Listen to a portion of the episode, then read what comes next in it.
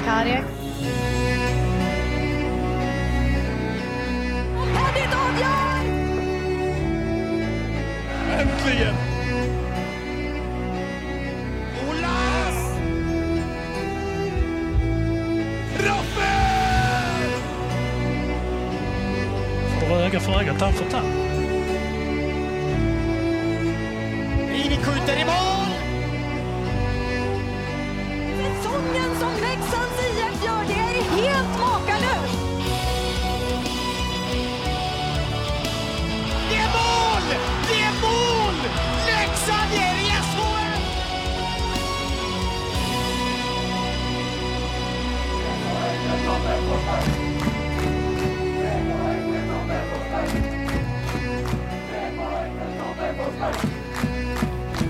Hej, välkomna alla till ett nytt avsnitt av Blåvita krigares podcast. Jag får börja med att säga Patrik, det blir ju svårt att dra några Roger-skämt efter den här Roger-veckan. Det blev ju trippla torsk, även om det sista blev ett kryss sent. Ja, det var ju mindre trevligt. Eh, fick ju massiva eh, hetsningar i min eh, kompisgrupp. Och jag skrev där att eh, Rogerveckan har visat sig vara en oerhörd missbedömning och vi för härmed till protokollet att vi inte kommer att fortsätta med denna tradition. Nej. Det, mm, det såg ju länge ut som att det kunde bli ett bra resultat att plocka med sig till returen i Göteborg. Men eh, det rasade ihop fullständigt i tredje perioden där. Ja, det var, var nästan lite plågsamt att se va? Ja, det, var, det såg ju så bra ut i, i två perioder och sen bara smack, smack, smack så var det... Var vi väck. Mm. Brage släpper första under armen. Den andra är en eh, svag retur som vispas in. Och eh, den tredje är väl ingen direkt eh, tavla så, men är ju inte heller något superavslut. Eh, ja, så stod det 5-2 Frölunda inför, inför returen. Men om vi håller oss i den här första matchen lite så har ju Brage fått en del skit om vi börjar där. Inte ens du kan väl eh, försvara honom på ingripandena i den tredje perioden. Inte ens jag. Du brukar stå på målvakternas sida här. Ja, men det, det är ju klart, strid. mål, målvakter håller ihop, så är det ju alltid. Jag men- fick, jag fick väl lite skit för min Kaskiso, eh, min sida av Kaskiso-diskussionen förra gången, så jag får väl sälla mig till, eh, till sågarna den här gången. finns ju också en eh, sida som säger att eh, hur lätt kan det vara för Bragare som får stå typ en match i månaden? Nej, det är, en målvakt är ju som absolut bäst när han får spela mycket. Så det kommer man aldrig komma ifrån. Eh, man kan säga så ja men han tränar ju med laget och han, han håller ju igång. Jo men det är fortfarande, det är fortfarande aldrig samma som matchspel. Eh, och det blir, ju, det blir ju problematiskt när man har en så klar etta som, som Leksand haft både förra säsongen och den här säsong- säsongen. Då blir det att de aldrig, andra keepern kommer aldrig riktigt igång. Jag menar, det är bara att titta på Skellefteå. Där är ju, där har du ju Lindvall och Strauss-Mann som är, spelar i princip lika mycket känns det som. Och de är ju magnifika båda två liksom. Ja. Men eh, bara för att man står väldigt eh, lite, alltså kan, kan man försvara sådana här misstag då? För att man inte är i liksom match-mode? Nej, jag skulle väl säga så här att alla de misstagen kommer ju i tredje. Och någonstans så har man ju ändå kommit in i en match då, kan jag tycka. Eh, sen alltså, det, det beror ju på vilka, var, var, var man står liksom. Jag menar, vi snackade om Kaski så under början på säsongen att det tar, tar lite, jag menar, han fick ju en del skit i början på säsongen men då stod han liksom 20 minuter förra säsongen. Eh, så han behövde ju en jävla transportsträcka men det kanske Brage behöver också eftersom han knappt har stått 20 minuter det senaste året han heller. Den kommer han ju dessvärre aldrig få.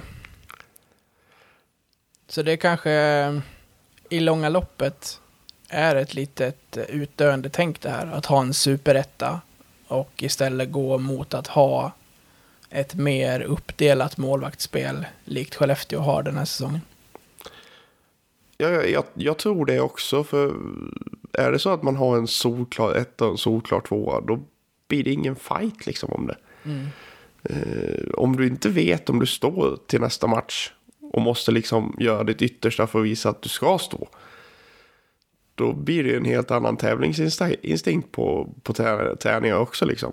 Och du, du blir ju bättre av konkurrens. Så kommer det alltid vara. Eh, Så jag skulle nog säga att det, det här det tänket med att ha två i princip likvärdiga keeprar är nog bättre, skulle jag säga. Jag tror att det är en eh, position som blir lite komplicerad också för att det är... Eh, det, är det är svårare att få upp... Alltså, det är svårare att få upp kvaliteten på två målvakter och pitcha in att man ska komma till laget och slåss för, eh, för speltiden och samtidigt samtidigt inte hamna på två målvakter också som kostar oerhört mycket. Då är det, jag tror att det är en enklare väg för klubbarna att gå på ett riktigt, ja men ett dyrare första namn och sen eh, fylla på med något som kan eh, hålla uppe det när, eh, när den här första målvakten inte spelar. Så ser det ut i Leksand, så ser det ut i många klubbar. Men eh, ja, jag vet inte för att eh, när, eh, när man sen väl får stå så kostar det ju liksom när man när det kommer sådana här misstag. Sen ska man väl säga om vi kommer dit om en liten stund här att Brage gör ju en mycket bättre match i Göteborg där han faktiskt är riktigt bra. Mm. Så att, ja, jag vet inte, svårt. Jag, jag gillar ju Brage och han är ju omtyckt och, och, och allt så här, men eh, kanske inne på sista svängen i, eh, i Leksand och kanske i SHL och eh, ska vara ett fynd för en Hockeyallsvensk klubb framöver kanske. Nej, men om man, om, man ska vara, om man ska vara helt ärlig så har väl aldrig Axel Brage varit SHL-klass egentligen. Alltså, Nej, säsongen vi gick nej, men alltså, nej, men alltså ja, ja, men, ja, men om, om vi tittar på det, liksom, säsongen vi gick upp, han hamnar ju i sån jävla zon där. Ja, Men om man, ti- ja, men, ja, men liksom, om man tittar hans övriga karriär, övriga tid i Leksand, övriga karriär, han har ju inte rosat marknaden direkt. Nej. Hej kära lyssnare. Detta var den fria versionen av detta avsnitt från Blåvita krigares podcast. En eh, liten teaser kan man säga. Om du är sugen på att lyssna vidare och samtidigt stötta oss i vårt arbete så att vi kan fortsätta göra podden även framöver kan ni göra detta via Patreon. Då går ni in på patreon.com och söker upp Blåvita krigare eller så går ni in på patreon.com snedstreck blavita krigare. Alltså patreon.com snedstreck blavita krigare. Där kan ni sedan från 19 kronor i månaden stötta podden och på så sätt hjälpa oss att driva den vidare. När ni valt att stötta oss där får ni också en beskrivning i på hur ni går tillväga för att enkelt koppla Patreon-avsnitten till just er vanliga podcast-app. Det vill säga, ni behöver inte lyssna på oss i Patreon-appen, utan kan istället eh, blanda våra avsnitt från Patreon bland era andra poddar som ni lyssnar på. Så sök upp oss på Patreon, stötta oss där och så kan ni snart lyssna vidare på resterande delen av det här avsnittet. Stort tack på förhand. Ni är bäst. Ha det fint!